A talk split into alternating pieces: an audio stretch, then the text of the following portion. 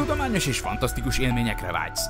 Akkor csatold az öveket és lépj be hozzánk a Parallaxisba. Üdvözlünk a Parallaxis univerzumban!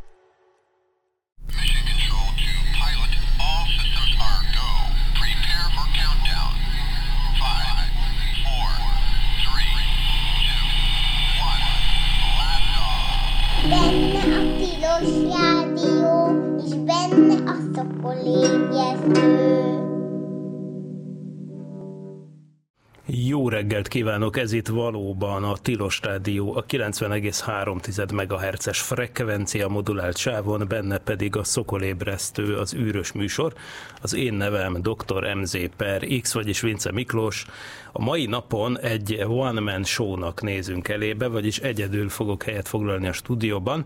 Ennek megfelelően választottam témát is, aminek az égvilágon semmilyen aktualitása nincs, viszont Egyébként éppen egy, egy nagyon kedves levélírónknak egy amúgy nem ide tartozó kommentje triggerelte, ugyanis Kis Dávid arról érdeklődött, talán, nem is, talán egyébként nem is a Szokolébresztő kapcsán, hanem egy Parallaxis podcast epizódunk kapcsán, a, azt a kérdést tette föl, hogy vajon például, hogyha valamilyen módon lézerek segítségével, vagy ő ezt javasolta, ezt annyira nem értettem meg, meg de még dolgozom rajta. Szóval a lényeg az, hogyha valahogy egy vákum folyosót lehetne nyitni egy rakéta előtt, hogy úgy menjen föl az űrbe, hogy kb. nem kell szembejövő légellenállással küzdenie, akkor hát tulajdonképpen mennyi mennyire lenne, lenne az például nekünk jó, tehát mennyire volna lehetséges, vagy mennyire volna hasznos, hogyha például a Földnek mondjuk legalább lokálisan eltüntetnénk a légkörét, és ezzel aztán nagyobb gyorsításokat lehetne elérni. Na most, bár igen-igen hipotetikus a kérdés, de én azt válaszoltam, hogy igazából ez akkor lenne a leghasznosabb, hogyha nem rakétákkal, hanem ágyukkal szeretnénk menni a világűrbe ami elég nagy baromságnak hangzik, azonban ki fog derülni, hogy ez egyáltalán nem feltétlenül van így, amennyiben azt, hogy mi az űrbe menni, nem magunkra, mint élő emberekre, vagy élő szervezetekre vonatkoztatjuk, hanem mondjuk kisebb tárgyakra, műholdakra, mérőberendezésekre, akkor ki fog derülni, hogy ez az légből kapott ötlet, az igazából egyáltalán nem is akkora baromság, mint aminek tűnhet. Egyébként ugye az ágyú lövés, mutatom, hogy milyen egy ágyú lövés. Ilyen. Ugye? Tehát Uh, pillanatszerű. Valaki elvallott volna ágyú lövést, akkor most mutattam. Tehát egyébként szenzációs. Uh, uh, jól mutatja itt a problémát a hang is, még egyszer. Ahogy a hang erejéből is helyesen kikövetkeztethetjük, ez ugye egy robbanásszerű dolog, ami lényegesen különbözik a, különbözik a rakétaindítástól. Nekem ugye vesző paripám az, és aki hát hallgatja a szokolébresztőt, az hozzászokhatott, hogy ha csak nem vagyok rettenetesen fáradt, vagy ilyesmi, ami azért persze néha előfordul, akkor azért én magamtól sosem mondok olyat, hogy kilövés, mármint a rakétaindítások kapcsán. Egyszerűen azért, mert ugye a kilövés, amit tehát még egyszer, Uh, ilyen. Nagyon szeretem ezt a hangeffektet, bocsánat, hát ez most többször el fog hangzni.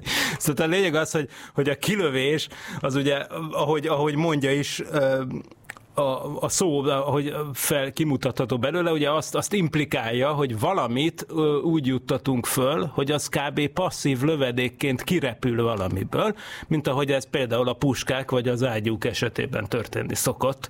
Ehhez képest ugye pontosan nem ez történik a rakéták esetében, amikkel az űrbe szokás utazni, hanem ugye a rakéta, ha úgy tetszik, ha már mindenképp ezt a szót kell használnunk, akkor a rakéta saját magát lövi föl. Tehát a rakétát nem kilövik, a rakéta igazából csak annyiban hasonlít a puskára, hogy mint hogy a puska visszarúg, csak most itt ilyen értelemben a rakéta, ami fölmegy az űrbe, az nem a kirepülő töltény, hanem maga a puska. Tehát a rakétát pont az a visszarugó hatás löki előre, ami ugye a kellemetlen része annak, amikor puskával próbál az ember lövöldözni, hogy tudnilik visszaüt.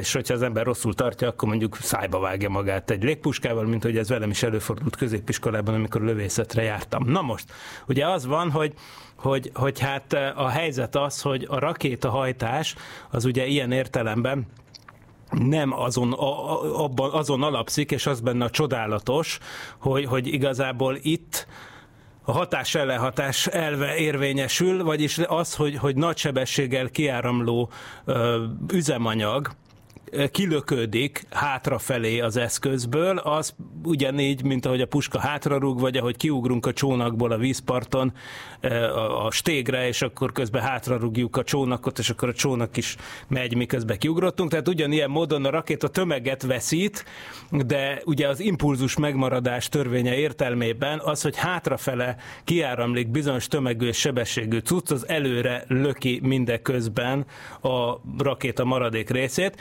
Ráadásul ugye ez a csoda jó az egészben, hogy a rakéta az gyorsul, miközben megy fölfele, mégpedig nem is egyenletesen gyorsul, hanem gyorsulva gyorsul. Miért, miért mondom ezt? Azért, mert közben ugye, hogy a rakéta üzemanyagot veszít, ugye egyre csökken a tömege is. Tehát, hogy ráadásul Ugye ehhez nem vagyunk annyira hozzászokva a középiskolai tanulmányaink alapján, mert ott megtanuljuk lényegében azt, hogy, hogy az erő az nem más, mint a tömegnek és a gyorsulásnak a szorzata. Na de ott ugye mondjuk tegyük fel, hogy adott tolóerőt képvisel a kiáramló gáz, igaz? Na de közben az M-szer abban szereplő M, kedves gyerekek, vagyis a rakéta tömege meg egyre csökken, miközben áramlik ki belőle az anyag.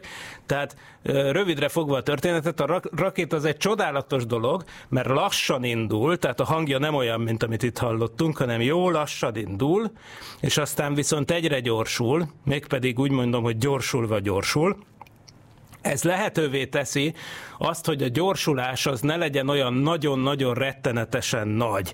Tehát, hogyha a rakéta mondjuk a föld körüli pályára igyekszik embereket szállítani oda, például, akkor ugye a cél az, hogy egy olyan, mondjuk egy körpályára szeretnénk állni, mondjuk 8 km per másodperc körüli sebességgel, mert a föld, földnél, a alacsony föld körüli pályákra ugye ilyesmi a, a keringési sebesség egy körpályára.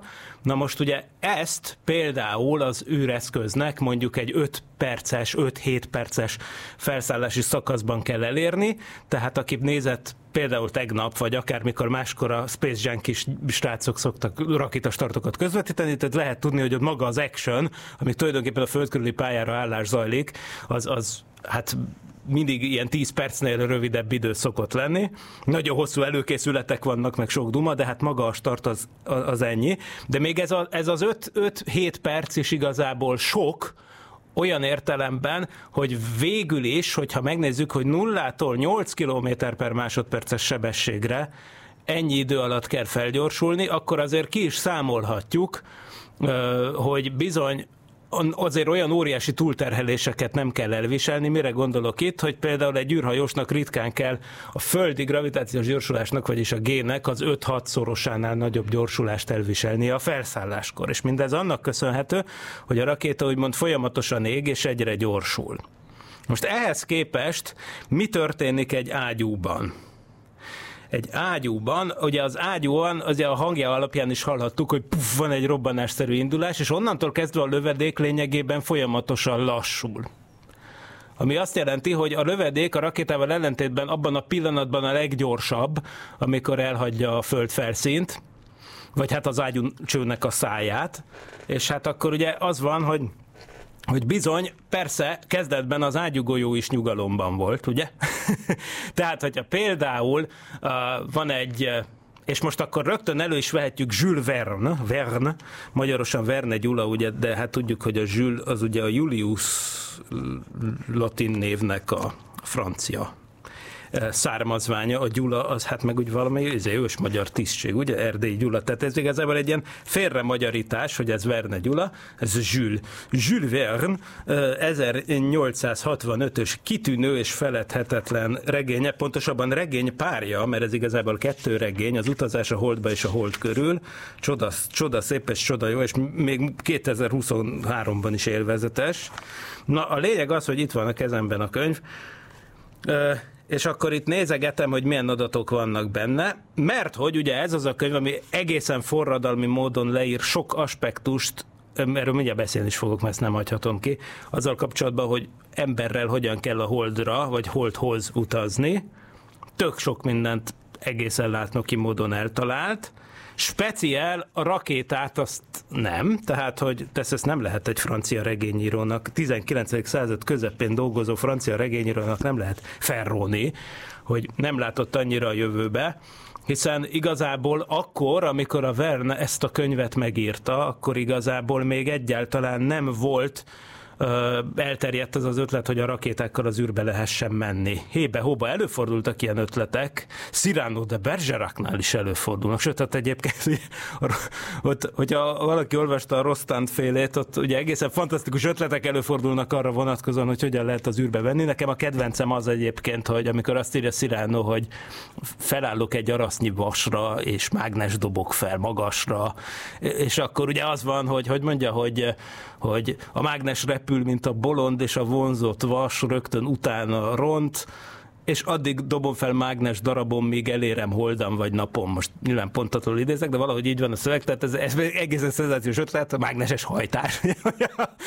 Sziránó feldobál egy mágnesgolyót, és rááll a vasból készült lapra, és akkor az repül utána, és persze ez jobban vonza, mint, mint amilyen gyorsan visszaesne, tehát repül, és akkor újra feldobja. Jó, hát több fizikai törvényt is sért. Speciál egyébként a Sziránó ebben ahol ugye ezt még néhány ilyen őrült ötletet felsorol azzal kapcsolatban, hogy hogyan tud az égbe menni, ott például szerepel a rakéta.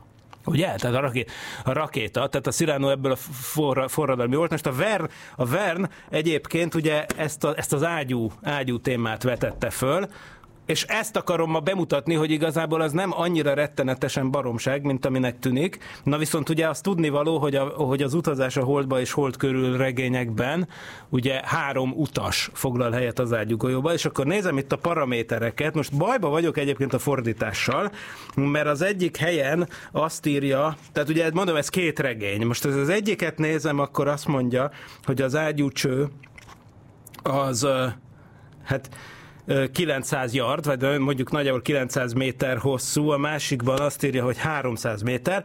Most számoljunk 300 méterrel, és akkor itt ezt akarom kihozni, hogy szerencsétlen utasokra, amikor ebben a robbanásszerű start pillanatban, ugye, uh, micsoda igen. Tehát, hogy ebben a robbanásszerű indításban mekkora túlterhelés hatott. Ugye nyilván úgy kell ezt kiszámolni, hogy van egy 300, mondjuk legyen akkor 300 méter hosszú ágyú cső, amit egyébként a legény szerint függőlegesen állítottak fel, tehát nem is az, hogy felállítottak, hanem hogy be, beásták a földbe, tehát csináltak egy mély függőleges aknát, hogy zenit felé kellett célozni, csodálatosan ki van amúgy ez számolva a könyvben, tehát ez például tök jó benne, és akkor az van, hogy ott van az ágyú, na most ugye eredetileg nyilván lerakják az ágyú golyót, be, vagy ágyú, hát hogy hívják ott, nem, nem ágyú golyó ez, hanem, hanem mondjuk úgy, hogy lövedék, ugye mert nem golyó alakú, tehát már a Vern sem, be, azt már jól beérezte egyébként csodálatos képpen, hogy ő is ilyen, ilyen, hát ilyen rakétaformájú lövedéket álmodott. Most persze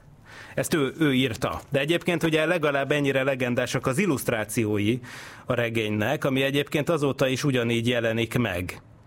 Tehát eh, ugye az van, hogy hogy persze, persze, persze az illusztráció az nem, a, nem magának a, a, a az írónak a, reme, a, az érdeme, de ugyanakkor ettől a regénytől teljes mértékben elválaszthatatlanok a, a, az illusztrációk. És az illusztrációk az, az tényleg legalább annyit hozzátesz, mint amennyi, mint maga a regény. És most azért süketelek itt, mert próbálom felderíteni hirtelen élő adásban, hogy hogy hívták a, a, az illusztrátort, mert hát azért meg, megérdemelne egy, egy említést tényleg, mert egészen fantasztikus illusztrációkat készített, és itt is van, hogy Henri de Monteau rajzoló, és ugye aztán utána volt az, aki eredetileg rajzolta ezeket, tehát ikonikus illusztrációk, majd ugye mindig minden szokolébresztőből megjelenik a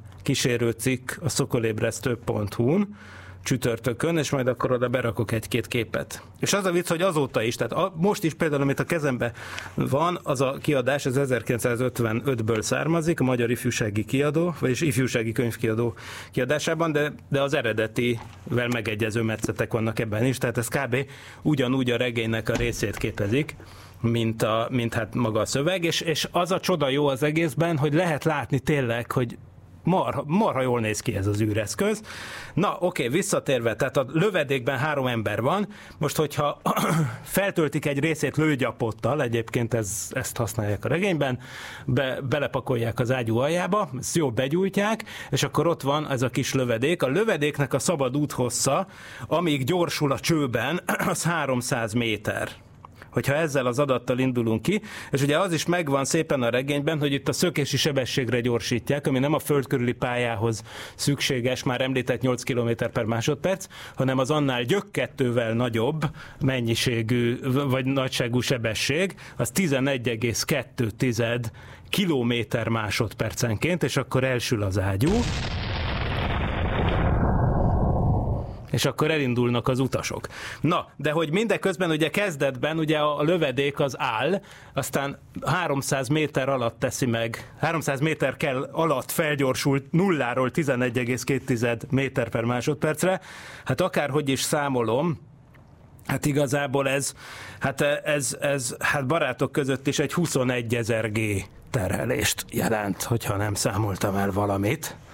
Hogyha megnézzük egyébként azt, hogy, hogy mi a legtöbb, amit ki lehet hozni egy ilyenből, tehát hogy hogy lehet minimálisra csökkenteni a gyorsulást, akkor képzeljünk el, és ez már igen, igen erősen hipotetikus, de most képzeljük el azt, hogy, hogy tudunk fúrni egy akkora ilyen kutat, hogy, hogy a lényegében olyan vastag, amennyire, olyan, olyan mély, amilyen mély csak lehet, tehát a Földnek a teljes kérgén, amíg a magmáig lejutunk, és még a, és mondjuk még építünk is rá egy kis kéményt fölfelé, tehát mondjuk fölmegy a troposzféra tetejére, akkor, és egy nagyon mély, de ugye a föld kérgének is vannak vastagabb részei, most ha nagyon igyekszik az ember, akkor létre tudunk hozni így egy, egy hát mondjuk egy 60 kilométer magas ágyú csövet, és akkor, de az a probléma, hogyha ezt be a képletbe azt írjuk be, tehát amúgy nem, nem egy nagy művészet, úgy kell a gyorsulást kiszámolni, hogy ugye nulláról indulunk, tehát a végsebességnek a négyzetét elosztjuk az ágyúcső hosszának a kétszeresével. Ugye ez a képlet, ha nem barmoltam el valamit.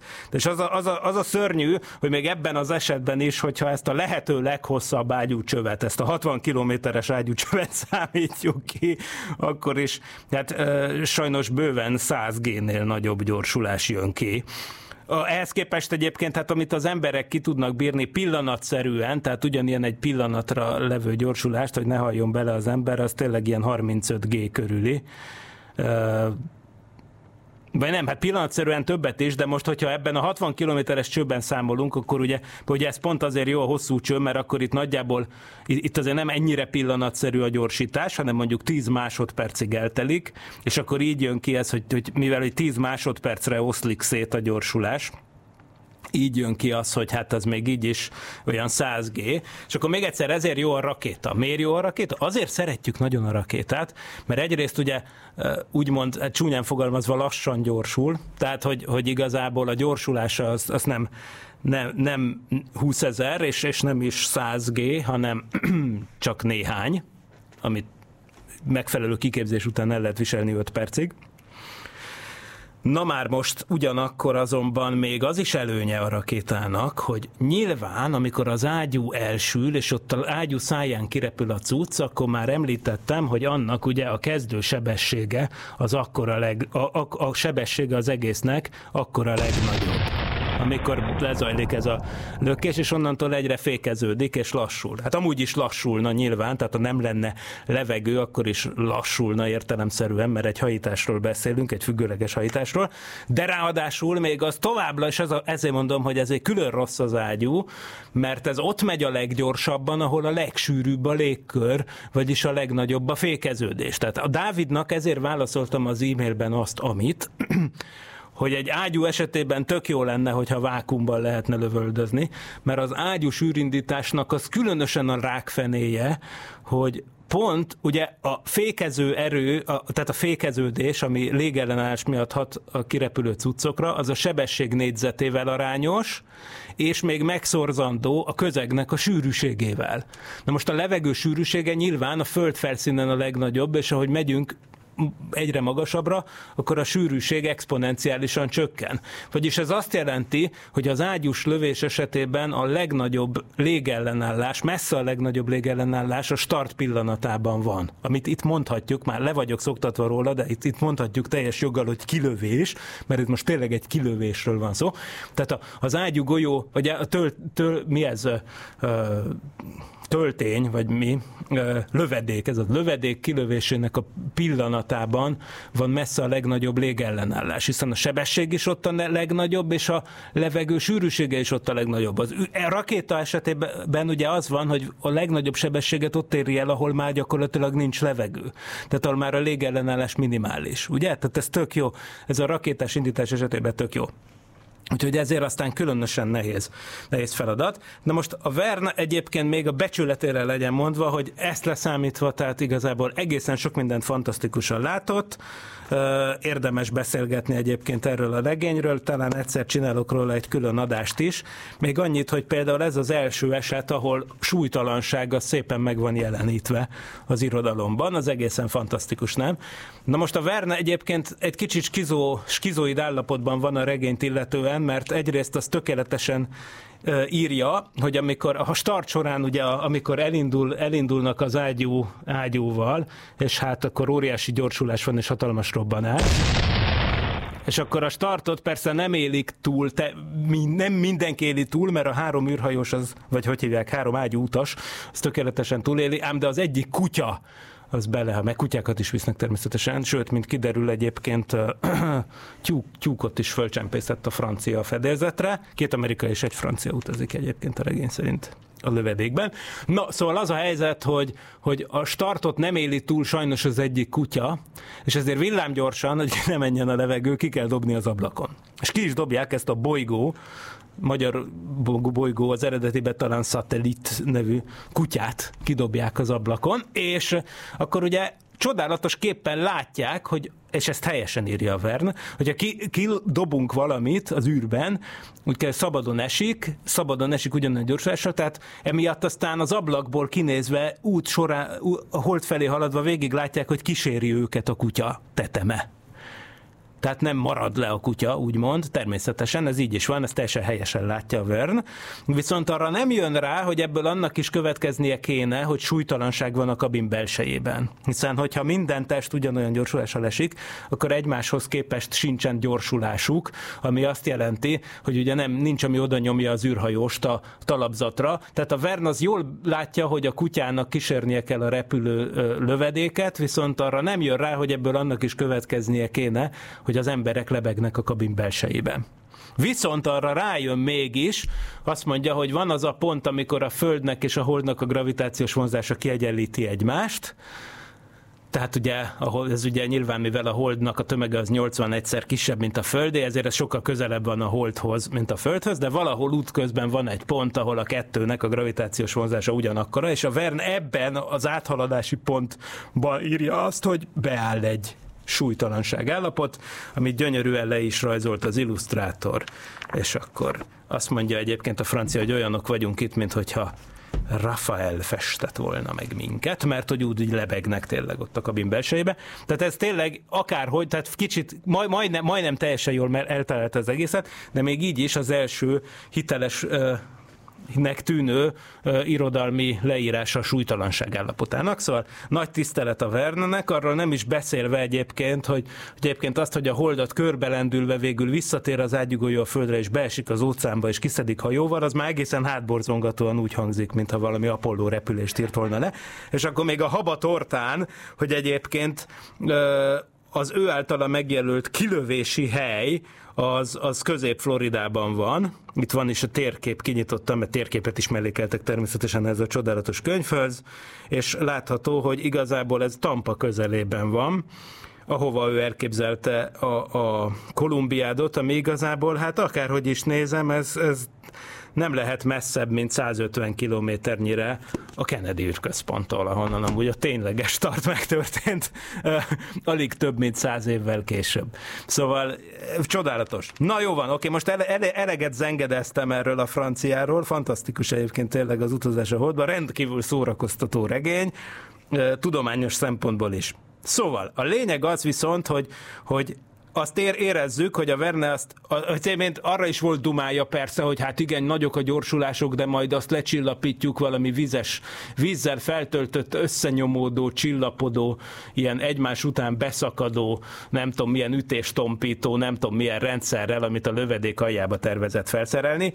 Azt jótékonyan nyilvánvaló, hogy a Verne is kiszámolta, tehát hogyha azt ki tudta számolni, hogy hogy kell a Holdról visszarendülni, meg hogy mennyi ideig tart a repülés, meg minden, akkor nem hiszem el, hogy azt ne tudta volna kiszámolni, hogy hát bizony gyerekek, ez egy 20 ezer gényi gyorsulás, de hát ő egy regényíró volt, nem, nem csak egy hobbi tudós, ezért aztán erről jótékonyan hallgatott, meg különben amúgy ötletese lett volna, hogy, hogy hogyan küldje fel az embereit a holdra, úgyhogy ezt igazán nem róhatjuk fel neki, hogy ezt már mondtam. Na, így is rengeteg ötlete volt, amit tök jól bejött. A lényeg az, hogy ebből jól látjuk, útközben elmondtam a nagy problémát. Tehát az, hogy óriási gyorsulás, és az, hogy óriási a légellenállás a start pillanatában. Na most ennek ellenére azért, ha jobban belegondolunk, ez attól még, hogy az emberek ezt nem tudnák túlélni, attól még bizony egyáltalán nem biztos, hogy például egy lövedék ezt ne tudná túlélni, sőt egy olyan lövedék, ami csinál valami hasznosat is. Itt azért vannak természetesen, mint majdnem minden, itt is visszavezethető ez a fajta tudományos, vagy hát hadászati kutatás, persze a nácikhoz. Ugye azt már megszoktuk, hogy a rakétatechnika beleértve az összes mai űrrakétát a piacon, az végső soron a FAU-2-ben, vagy lánykori nevében A4 rakétában gyökerezik, az, ahol a FAU, az a Vergeltungswaffe, vagyis megtorló fegyver, tában gyökerezik, az, ahol a FAU, az a Vergeltungswaffe, vagyis megtorló fegyver rövidítése, és ugye tudjuk jól már itt a szokolébresztő hallgatói körében, hogy a FAU-2 főkonstruktőre az maga Werner von Braun volt, aki aztán később átigazolt úgymond Amerikába, hogy aztán ott mindent megcsináljon. Az első amerikai műholdat, az első amerikai űrbe juttatott embert és az első amerikai holdutazásokat mind-mind Werner von Braun és barátai és üzletfelei által tervezett rakétákkal valósították meg. Ez egy tény. Na, tehát a, Ó, ugyanakkor azonban az a V2 volt azonban V3 is, és a V3, Fergeltungswaffe 3, az nem egy rakéta volt, hanem egy óriási ágyú, amit ott Calais környékén, tehát a francia partoknál a Vichy Franciaország, ja nem, nem, a megszállt Franciaországban, bocsánat, tehát pont, hogy Kalénál, tehát a La Manche közepén, ahol mostanság a csalagút indul, ottan állított állították föl, illetve kezdték felállítani ezt a gigantikus ágyút, aminek nyilván nem az lett volna a célja, hogy a világűrbe küldjön lövedékeket, sokkal inkább az lett volna a célja, hogy, hogy Angliát lehessen onnan bombázni, tehát egy minimum 80 kilométeres hatótávolságú gigantikus ágyú, amit persze el is akartak volna sütni eh, annak idején a nácik. Ugyanakkor azonban az a helyzet, hogy nem fejezték be a fejlesztést, mert a szövetséges haderők jöttek, partra szálltak Normandiában, és ők meg pánikszerűen hátrajtak mindent. Nem mindent, de tehát volt, amit szétszereltek és elvittek. Azonban a FAU-3 giga ágyúja ilyen módon nem valósult volna meg. Amúgy az elképzelhető, hogy hogyha az olyan irányba van fordítva, akkor azzal el lehetett volna érni az űrt. Na most mit tekintünk űrnek? Ezt nagyon fontos tisztázni. Nyilván nincs egy határvonal. Szoktak mondani ilyeneket, hogy ami 80 km fölött van, az már az űrnek tekint tekintik, olyat is szoktak mondani, hogy ami 100 km fölött van, azt az űrnek tekintik. Itt a szokolébresztőben már sokszor elmondtam, hogy valójában nem lehet húzni egy egyértelmű határt. Valójában arról van szó, hogy iszonyatos ütemben ritkul fölfele menet a légkör, tehát az alsó 10 kilométeren van a földi légkör tömegének a 95%-a, vagy valami ilyesmi. Tehát tényleg egy exponenciális lecsengésről van szó, de hát valójában több ezer kilométer magasságban is, ha nagyon akar, akkor az ember még ki tud mutatni néhány kósza molekulát, ami a föld légköréhez köthető, ilyen értelem értelemben. A, az ISS repülési magasságában, 400 km magasságban is ugye egy, egy effektus az, hogy légköri fékeződés, tehát ilyen értelemben de nincs a légkörnek vége, de oké, okay, megszokás mondani ezt a 80 kilométeres limitet, hát a 80 kilométeres limitet meg lehet mondani, lehet megvonni, akkor egyébként hát nem is a németek, de az utána következő amerikai projektek, kanadai-amerikai projektek, azok bőven átlépték ezt a határt, sőt, igazából a kétszeresét is megugrották egy ízben.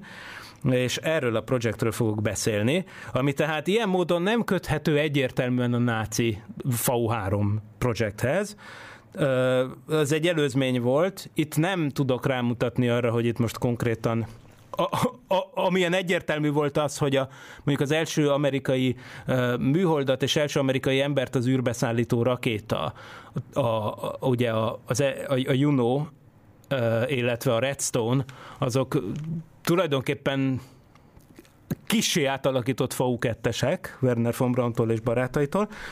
Ilyen értelemben nem tudok semmi ilyesmire rámutatni, a FAU 3 utóéletével kapcsolatban, tehát így mondhatjuk is, hogy a FAU 3 ez ilyen értelemben egy mérnöki zsákutcának tekinthető, nem lett olyan értelemben folytatás, mint a FAU 2 ez inkább csak egy történeti előzmény. Mindenesetre demonstrálta, hogy ott a Krupp, Krupp acél, tehát ott a Krupp, ott a, a Rúrvidéken, ott a nagy gyárakban, ott elő tudnak állítani bazinagyágyukat. Igen. Most erre egyébként képesek voltak oda át is, a tengeren túlon, és akkor itt kell megjegyeznünk egy nagyon-nagyon ellentmondásos és érdekes figurát, egyébként a Gerald Vincent Bull nevű fickót, aki egy kanadai mérnök volt, 1928-ban látta meg a, a napvilágot, és hát a lövészetnek, a balisztikának egy nagy szakembere volt, de hát a maga módján egy zseni volt egyébként, és ami abból is látszik, hogy hogy Kanada történetében egészen addig első legfiatalabban szerzett doktorátust, Konkrétan a McGill Egyetemen, ami ugye egyébként Montreal, Montrealban van, Quebec, Quebecben, tehát hogy ő egy ott, ott ugye egy neves egyetem, ott szerezte meg a doktorátusát 20, 21 vagy 22 évesen, és az akkor rekord volt ugye az elég ritka, hogy valaki ilyen fiatalon redoktorál. Amúgy egyébként nem csak zseniális volt, hanem ennek megfelelően mindenki mást hülyének nézett, aki nem értett vele egyet, és enyhén szólva is excentrikus személyiség volt, illetve hát kisé narcisztikus, tehát így kb. mindenkivel összeveszett. Az élet útja is ennek megfelelő, tehát projektről projektre vándorolt, de az volt az ő nagy ötlete, és azt próbálta mindenhol és minden áron megvalósítani, hogy, rakét, hogy, hogy, hogy nem rakétákkal, hanem ágyúval küldeni terheket az űrbe.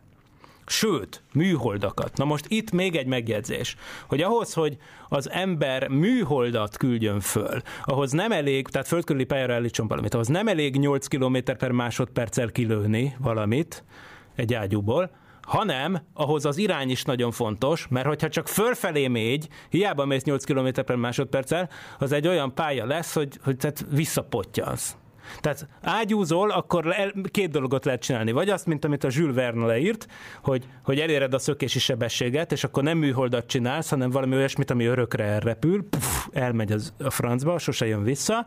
Vagy, és ez a B opció, vagy olyat lehet csinálni, hogy hogy fel, felmegy a lövedék, de a lövedék utána még bekapcsol egy rakétahajtóművet, tehát egy irányított lövedéket lősz ki, úgymond, vagy irányítható, önmag, tehát önmagát is hajtani tudó lövedéket küldesz ki, self-propelled, ezt így mondanám, ezt próbálom magyarul lefordítani, tehát önmagát is hajtani képes lövedéket lő ki az ember, akkor ugye az, akkor az kell ahhoz, hogy földkörüli tudjon állni, mert ahhoz ugye kell egy vízszintes komponens. Na már most. A helyzet az, hogy bocsánat, csak itt van, van valami technikai ö, fennforgás. A lényeg az, hogy ö, ö, a hm, Szóval az a helyzet, bocsánat, érdekes dolgok történnek a stúdióban. Tehát az a helyzet, hogy ö, ö, ö, földkörüli pályára állításhoz kell vízszintes komponens a sebességhez, azt azonban az ágyúval nyilván nem lehet elérni, mert fölfele megy, és akkor lefelé esik, tehát ahhoz ugye kell még egy plusz rakétahajtás. Na, ilyen, el, ilyen ötletei voltak ennek a Gerald Vincent Bullnak, el is kezdett embereket meggyőzni arra, azzal kapcsolatban, hogy, hogy hát ezt meg kéne csinálni. Projektről projektre vándorolt, most ugrok is egyet, és azt mondom, hogy végül meggyőzte a kanadai kormányt ugyan nem, viszont az egyetemet, ahol időközben ő professzor lett, a McGill University-n, Montrealban meggyőzte az egyetemet, hogy adjanak némi pénzt egy ilyen kutatási projektre, amit gyorsan el is nevezett HARP-nak. A HARP az ugye azt jelenti, hogy hárfa, de hogy megszoktathattuk, ez is egy betűszó. Ez nem más, mint a High Altitude Research Project, vagyis nagy magasságú kutatási program ilyen álnévvel akarta ezt az űrágyút megvalósítani. Természetesen abban bízott, hogy majd a kanadai kormány, tehát a kanadai védelmi minisztérium is, is támogatja. Ők azonban csak mérsékelten voltak lelkesek, tehát inkább fordítottak pénzt például az akkor az 1960-as évek legelején, amikor járunk, ezt nem mondtam, tehát 1961-ben ötlött fel a bull fejében ez a, ez a projekt, és, és hát akkor kezdett rá pénzt összekalapozni, amikor már ő pont oda került erre a McGill University-re, mint fiatal professzor. Na és akkor az, az a helyzet, hogy, hogy ő, a kanadai kormány mérsékelten volt igazából lelkes, mert inkább adtak pénzt például olyan projektekre, mint az első kanadai műhold, az Alouette fejlesztése, vagy éppen a kanadai kutatási célú stratoszférába repülő, hogy hívják, sounding rocketek, tehát kis szuborbitális geofizikai kutatórakéták, tehát ilyenekre szívesebben adtak pénzt, mint erre. A nagy fordulatot egyébként az hozta meg, hogy az amerikaiak is beszálltak, de csak úgy furcsácskán, mert az amerikaiaknál az a helyzet, hogy az 1950-es évek végén, 60-as évek legelején azért még nem volt egy sikertörténet az amerikai rakétaprogram, ami az például a műholdak pályára állítását illeti. Tehát enyhén szólva fogalmazok, tehát például egyébként a Navy, tehát a haditengerészet által kezdeményezett Vanguard Project, az, az hát egy, egy iszonyatos pechszéria volt. Ugye ennek az volt a célja, hogy az első műholdat pályára állítsák, hát az első műholdat pályára állítsák, de hát ez olyannyira nem jött össze, hogy nem csak, hogy az első műholdat nem ők állították pályára, hanem a szovjetek, de még az első amerikai műholdat sem. Ugye? Ez az érdekes, mert hogy az Amerikában, ugye ez Suminski Nádor tök jól elmondta egyébként az egyik adásban, talán a 101. szokolébresztőben, most erre nem bírnék megesküdni, de megtalálható az archívumban, az az adás címe, hogy Verseny a műholdért. Na és igazából arról volt szó, hogy hát Amerikában a különböző fegyvernemek próbáltak párhuzamosan rakétát fejleszteni. A Naval Research Laboratory, tehát a haditengerészet kutató laboratóriumának volt a szerelem gyereke a Vanguard Project, ők, ők kaptak elsőbséget az Eisenhower kormányzattól, csak hát kudarcot vallottak. Közben von Braunék az Arminál, tehát a, a hadseregnél, a szárazföldi haderőnél dolgoztak, és ott rakétázgattak, ők fejlesztették ki aztán azokat a Juno és Redstone nevű, vagy Jupiter, Juno és Redstone nevű rakéta verziókat, amik mind ilyen FAU-2 upgrade-ek voltak tulajdonképpen, amelyek aztán valamelyest sikeresen funkcionáltak. De utána egyébként a NASA-ba beolvasztották őket, tehát az Army-nak, vagyis a szárazföldi haderőnek elvették tulajdonképpen az űr, űrprogramját. Az a, a korábban ABMA, Army Ballistic Missile Agency nevű cuccot, a, ahol egyébként kiérlelték ezeket a sikeres rakétákat, azokat beolvasztották a NASA-ba nagy részt. De természetesen ez a légierőnek ami ugye, a, a, és időközben az Army az, abból kivált az Air Force, a légierő, maradt az Army, az Army-nak eléggé fájt ez, hogy így elvették ezt a fejlesztő programját, és aztán gondolták, hogy hát mivel de azért a rakéták úgyis megbízhatatlanok, ezért ők is meglátták a fantáziát az űrágyúba, úgyhogy ők is beleadtak némi pénzt, és akkor elkezdték ezt a HARP projektet, ami arról szólt, hogy végső konfigurációban fel kell állítani egy nagyjából 40 centi szélességű, tehát 16 inch, 41, 41 és fél, 41,6 csinálom a tizedes egyiket, ahogy beszélek. Tehát nagyjából 41, kicsit kevesebb, mint 42 centiméter átmérőjű ágyúcsövet, ami 40 méter hosszú, annál valamivel hosszabb, tehát mondjuk úgy, hogy 120 láb, ugye, tehát minden angol százban van, bocsánat, és akkor ezzel felküldeni valamit. Most ez a valami, ezeket úgy hívták, egyébként jópofa, hogy ezt úgy nevezték el ezeket a cuccokat, amiket kilőnek, hogy motlet, a, a, a, ami ami valójában a, a kanadai McGill University-nek a címerállata, ami egy madár, tehát egy ilyen fecskeszerű, fecskeszerű kis madár, ami ami uh, szerepelt ennek az egyetemnek a címerében, és ezeket a lövedékeket így nevezték el. Na most, uh, meg is volt itt a, a, a sajtókonferencia, tehát az amerikaiak beszálltak, a kanadai állam az csak nagyon picit szállt be, de igazából az egyetemtől kapott a bull ígéretet, tehát az egyetem finanszírozta, de ez egy nagyon érdekes finanszírozási izé volt, hogy az amerikai, egye, az amerikai hadsereg és egy kanadai egyetem finanszíroz egy projektet. Erre, hogy bonyolítsa a helyzetet egyébként, a Bull az összehaverkodott egy Mordell nevű, Donald Mordell nevű fickóval, aki a McGill Egyetemen a mérnöki karnak volt a dékánja, és ő pedig azt javasolta, hogy a projekt későbbi fázisára való tekintettel, amikor már tényleg műholdakat akarnak ezzel fellőni az űrbe, ugye, ágyú segítségével, hogy óriási nagyot szóljon, tehát, hogy amikor bekövetkeznek ezek a kilövések, szó szerint, akkor ugye az, az leszne a jó, hogy amikor már műholdak pályára állítása lesz a feladat, amikor mondtam, hogy már egy második fokozatként igazából az ágyúgolyónak a saját rakétahajtóműveit be kell gyújtani, hogy aztán el tudjon fordulni, mert csak akkor lesz földkörüli pálya, ha már egy magasság fölött vízszintesen repül, ugye? Tehát akkor lehet egy zárt körpályát létrehozni, különben fölle pottyant, függőleges hajításból nem lesz földkörüli pálya. Szóval ez a lényeg, hogy ahhoz viszont az a jó, mint tudjuk, a földkörüli pályához, hogyha az ember közel van az egyenlítőhöz. Minél közelebb az egyenlítőhöz, mert akkor ugye a Földnek a forgási sebessége úgymond hozzáadódik. A Földnek a kerületi sebessége egészen pontosan a start helyen, az hozzáadódik a, a, a a sebességhez, hiszen igen, az ából a fix koordinátorrendszerhez képest a föld középpontja körül kell mondjuk 8 km per másodperccel pályára állni. Hogyha az ember kelet felé indít az egyenlítőtől, akkor ehhez jó sokat lehet spórolni azzal, hogy, hogy ugye a föld csinálja, föld adja a kezdősebességnek egy nem is elhanyagolható részét. Tehát mi történik itt, hogy az eredeti tervekkel ellentétben végül a nagy ágyút azt nem Kebekben állították föl Kanadában, hanem Barbadoson. Hát a Barbadosnak, pont ennek a dékánnak, ennek a Mordelnek voltak bizony nagyon jó kapcsolatai.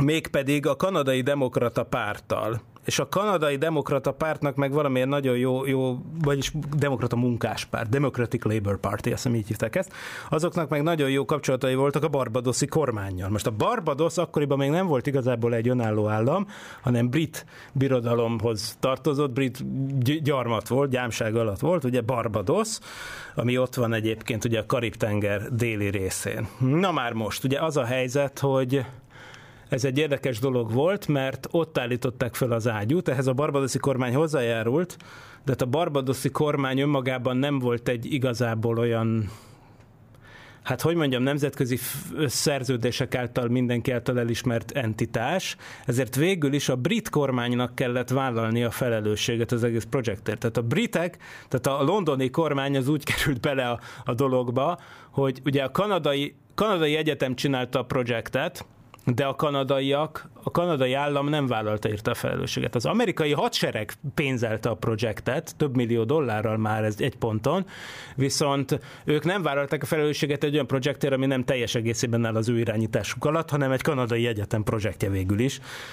Barbados kormánya nem vállalhatta a felelősséget, úgyhogy végül aztán ugye a barbadoszi kormány gazdája, úgymond a britek vállalták a felelősséget ezekért, tehát hogyha valami robbanás történt volna, akkor ugye a briteket vették volna elő.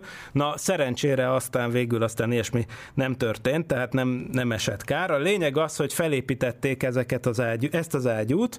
Egyébként több kísérleti ágyút is felépítettek, az egyiket Kanadában, Quebecben, a másikat Arizonában, Amerikában, és akkor el, el is jöttek a kísérletek. A kísérletek keretében ugye pontosan az volt, hogy ezeket a bizonyos lövedékeket ez, ezt, a, ezt a Martlet nevű, ugye mondtam a Cimmer madárról elnevezett kis lövedéket kilőtték, többször is. Most ezzel egyébként sikerült elérni egészen csodálatos magasságokat, tehát a, a, a rekord a rekord a Bartlett szériából, ami az 1965-ös csúcsmagasság, azt hiszem, nem, bocsánat, 1966. november 18-án egy ilyen 84 kilós lövedékkel a 179 kilométeres magasságot elérték, ami máig fennálló rekord, bármilyen lövedéket tekintve. Na most természetesen mit lehetett volna ezekkel csinálni? Ugye ezek valójában tényleg mértek és dolgokat, tehát voltak olyan mérőeszközök, amik ezeket a gigantikus gyorsulásokat túlélték, voltak hőmérők, volt, voltak ilyen kísérletek, hogy egy nagy magasságú ballont eresztettek volna ki a Martlet 4-ből, úgyhogy ez volt a, az egyik nagy terv, hogy egy nagy magasságú fölmegy a lövedék, és aztán kibocsájt egy ballont egy olyan magasságban, ahol amúgy, ahova amúgy nehéz eljutni ilyen értelemben, tehát már a stratoszféra fölötti rétegben, aztán volt olyan, hogy ejtőernyővel jöttek vissza itt a cuccok, tehát ejtőernyőrendszert is bele lehetett ezekbe szerelni. Tehát nem voltak annyira kicsik ezek a lövedékek, 84 kilós lövedékről beszélünk, tehát ez egészen hihetetlen. Aztán végül ö, volt olyan, hogy hát meg kellett hosszabbítani az ágyút, hogy növeljék a teljesítményt. A 11. lövés után tönkrement az ágyú, úgyhogy a, akkor utána kicsit leállt a projekt, és aztán közben az amerikai hadsereg is elkezdett úgy másfelé fordulni, mert hát közben lényegében az is a sztori része, hogy már eléggé megbízhatóvá váltak az amerikai rakéták, és már nem láttak ebben annyi fantáziát. Úgyhogy végül aztán a projekt 1967-ben hivatalosan is megszűnt. Barbadoson a mai napig megnézhető, hát nem nézhető meg, mert el van kerítve, de voltak, akik belógtak, és látják ott ezt a 40 méteres ágyúcsövet ott rozsdásodni.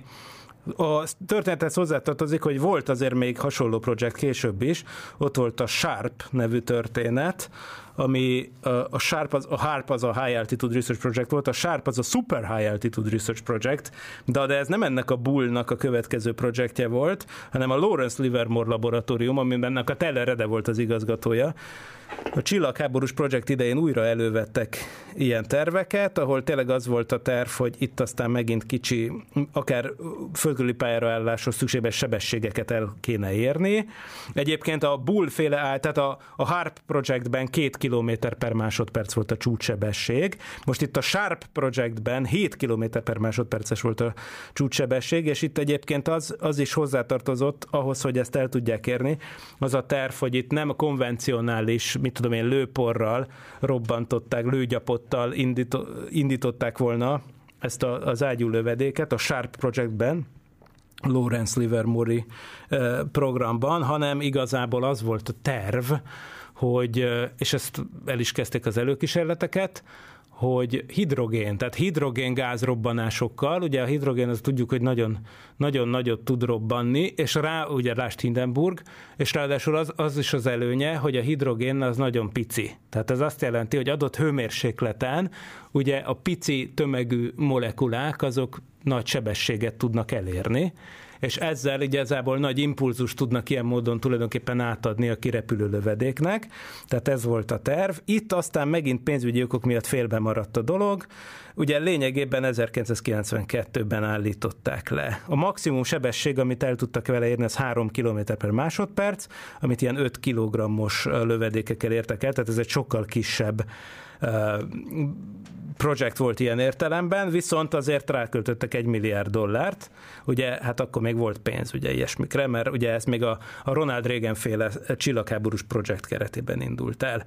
Na most egyébként a pro, az ötletet újra és újra előveszik, tehát hogy konkrétan manapság is léteznek ilyen tervek, újra előkerülnek, hogy ilyen nagyon pici CubeSatok, tehát kicsi kisműholdak, mint amikkel Pál Andrissal szoktunk beszélgetni, meg ilyen mérő eszközök indításához ideális lehetne egy ágyú. Még annyit el akarok mondani zárásképpen, bár ez csak részint ágyús, de azért egy nagyon érdekes sztori, az pedig az, hogy említettem, hogy hát önmagában az ágyú az műhold feláll, felküldéséhez ugye nem ideális, mert ahhoz ugye az kell, hogy valamilyen módon egy idő után, megfelelő idő után zárt pályát hozzunk létre, és hát önmagában egy, egy kilőtt lövedék az nem fogja ezt tudni.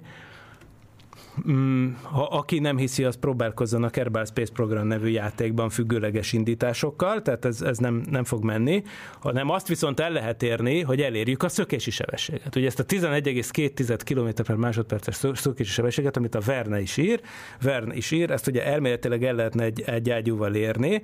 Most a kérdés az, hogy ilyen valaha történt-e, az állítás az, hogy nem, viszont, és akkor megint az, hogy, hogy igazából mit tekintünk ágyúnak, és, és mi az, ami hát valójában egy robbanás, akkor még itt nem állhatom meg, hogy ne beszéljek röviden.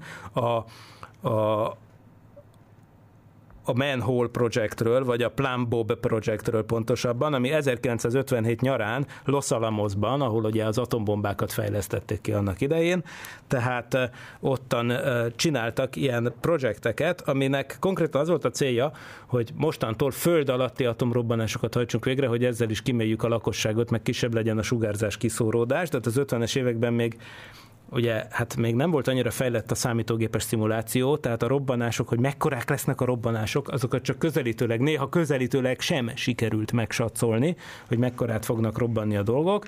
Ezért aztán nagyon fontosak voltak az ilyen kísérletek, nukleáris kísérletek, és akkor elhatározták, hogy azt csinálják, hogy, hogy több ilyen, hát mondjuk, hogy 100 méter mélyre leásnak egy atombombát, egy, egy, tényleg egy ilyen függőleges aknába. A tetejére raktak egy, eh, egy eh, ó, féltonnás vasbetonból készült kupakot, záró kupakot, és a hegy belsejében, vagy hát a felszín alatt hajtották végre az atomrobbanást. És 1957. augusztusában volt egy Pascal B nevű robbantás, ami tényleg egy ilyen, hát nem is 100 méteres, mert azt, így, azt írják, hogy 400 láb mély, tehát mondjuk olyan 40 ö, Hát de, de, bocsánat, bocsánat. Kérek, igen, ez, ez helyes, tehát 400, 400 láb mély, tehát ö, 120, mondjuk, hogy igen, méter mély aknában történt egy ilyen atomrobbantás, amelynek keretében ugye egyrészt szétment az egész kóceráj, tehát keletkezett egy kráter, másrészt viszont ennek a függőleges aknának a tetejét lezáró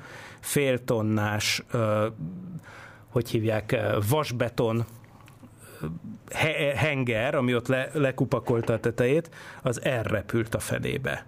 És ugye itt van ez a Dr. Brownlee nevű fizikus, akit annak idején megkérdeztek, hogy hát ez hol van, ez hova repült, mert hogy egy millisekundumos időbeli felbontással készített felvételeket egy, egy gyors kamera, és az egyik felvételen látszik a robbanás után, hogy repül ez a fedél, ez tényleg olyan, mint egy csatorna fedél, csatorna fedél ott repül fölfele, de csak az egyik, ugye még egyszer ezred másodpercenként készültek a képek, csak az egyiken látszik, megkérdezték, hogy kiszámítsa, hogy megkérték, hogy számolja már ki, hogy ez mekkora kezdősebességet jelent, és hát az jött neki ki, hogy 60 km per másodperc.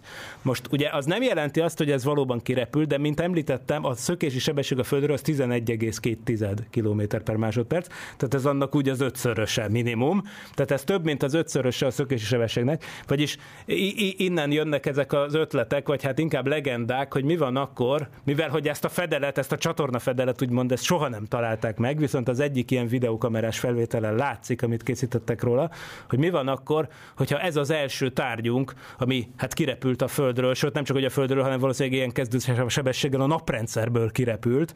Na most ugye még egyszer, ugye megint az van, hogy itt a légellenállás az igen trükkös, tehát ez nem, hogy nem volt optimális lövedék alakú, hanem a lehető legkevésbé volt optimális, egy korong, tehát nyilván eleve az, hogy óriási surlódási hő keletkezett, meg persze óriási fékeződés, tehát valószínűbb, hogy ez szétfüstölt az egész, tehát olyan gyorsan felhevült hirtelen, hogy azt nem bírta ki. Másfelől azonban tényleg nagyon nagy sebességgel indult. Tehát lehet, hogy annyira gyors volt az átrepülés, hogyha az túlélte, akkor lehet, hogy tényleg kijutott az űrbe. Az a vicc, hogy, hogy hát ez máig egy vita téma. De amúgy nem elképzelhetetlen, és ez azért is baromi vicces, mert ugye ez azt jelenti, hogy akkor ez a, hát lényegben ez a csatorna fedél, ez előbb jutott ki az űrbe néhány hónappal, mint az 1957. októberében indított Sputnik 1. Ugye? Tehát a szovjetek első műholdja, hogy ez ugye nem műhold volt, de hát hogyha végül is a számítások helyesek, és hát azt gondoljuk, és ha elhinnénk azt, hogy mondjuk a légkörbe ez nem égett szét azonnal, ami még egyszer nem egy triviális kérdés, mert ilyen jellegű hiperszonikus sebességeknél ilyen kísérletek nem nagyon voltak, tehát ezt ne, ne, igazából nem lehet tudni. Valószínűbb, hogy ez, ez tényleg elpárolgott tulajdonképpen ez az egész kóceráj, de van egy nem elhanyagolható esély, hogy ez tényleg kirepült a világűrbe, és ha kirepült a világűrbe, akkor az akár az egész naprendszert is elhagyhatta, tehát ez a Pioneer és Voyager és New Horizons űrszondák messze megelőzve lehet, hogy egy csatorna fedél az első hírnökünk a csillagok között. Na hát ennyi fért a mai adásban, még azért a záró poénnak elmondom, vagy hát poén, hát még nem biztos, hogy annyira nagyon poén, de minden esetre egy nagyon érdekes dolog, hogy mondtam, hogy ez a Vincent Bull, akinek a Harp projektet köszönhetjük, ez a kanadai jó ember, ez, ez ugye mindenkivel összeveszett. Amikor 67-ben megszűnt a Harp Project, akkor persze utána is nyomatta, nyomatta, és kilincselt mindenhol és mindenkinél, hogy ezt a projektet hol lehetne uh, folytatni. Hát végül emberére akadt, mégpedig Saddam Hussein irak, iraki diktátor személyében. Ennek köszönhetően ő oda is költözött Irakba, és ott elkezdte fejleszteni a Project Babylon, a Babylon projekt keretében ezt a szuperágyút, Nyilván, a, nyilván azért, hogy műholdakat lőjenek föl vele, vagyis hát ő ezt mondta. A projekt befejezését azonban nem élte meg, ugyanis hát ez Brüsszelben is volt neki egy lakása, és egyszer kilépett a laká, la, lakásból, és őt megölték, tehát konkrétan merénylet áldozata lett 1990 márciusában sem megerősíteni, sem cáfolni nem tudjuk, hogy ezt a Mossad követte el, azért, mert hogy az iraki kormánynak dolgozott, és hát ezt ilyen módon torolták meg. Ugye téged ez itt az öböl háború előtt vagyunk még éppen. És hát igen. Na, a lényeg az, hogy hát a, a nyilvánvaló, hogy Saddam Husseinnel együtt ment az egész Project Babylon mondjuk úgy, hogy szerencsére a, a levesbe, de, de a projektnek, a be, tehát még ezelőtt már meghalt ilyen módon a Gerald Vincent Bull 1990. március 22-én. Még egyszer ennek ellenére vannak alternatív ötletek arra vonatkozóan továbbra is, hogy hogyan lehetne cuccokat fölküldeni az űrbe. Az ágyú mellett előkerül például a Spin Launch nevű ötlet, ami konkrétan az, hogy paritjával feldobni valamit az űrbe, egy bazina centrifugával bepörgetni valamit egy nagyon nagy sebességre, aztán puty elengedni, hogy az kirepüljön az űrbe. Ilyen kísérletek is zajlanak.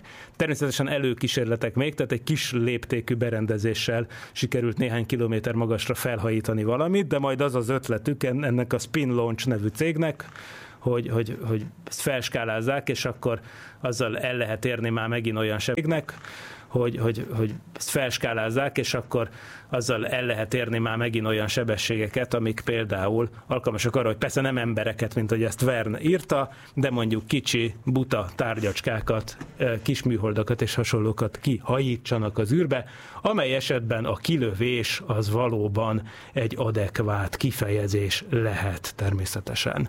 Na de, ennyi fért a mai szokolébresztőbe igazából lejárt az adásidőnk.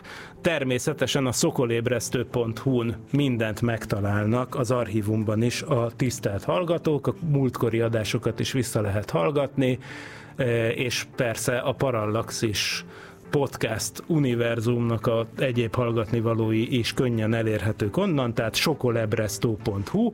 Két hét múlva jövünk vissza, nagyon érdekes témával, amiről még nem tudom, hogy mi lesz, de mindenképp jövünk. Mindenkinek nagyon szépen köszönöm a figyelmet, jó napot és jó hetet kívánok, sziasztok! Nem volt elég a tudományból és a fantasztikumból? Olvasd a parallaxis.emtv.hu, lájkold a Facebook oldalunkat, nézd a YouTube csatornánkat, és hallgassd a Szokolébresztőt a Tilos Rádióban. Hamarosan jön a következő rész.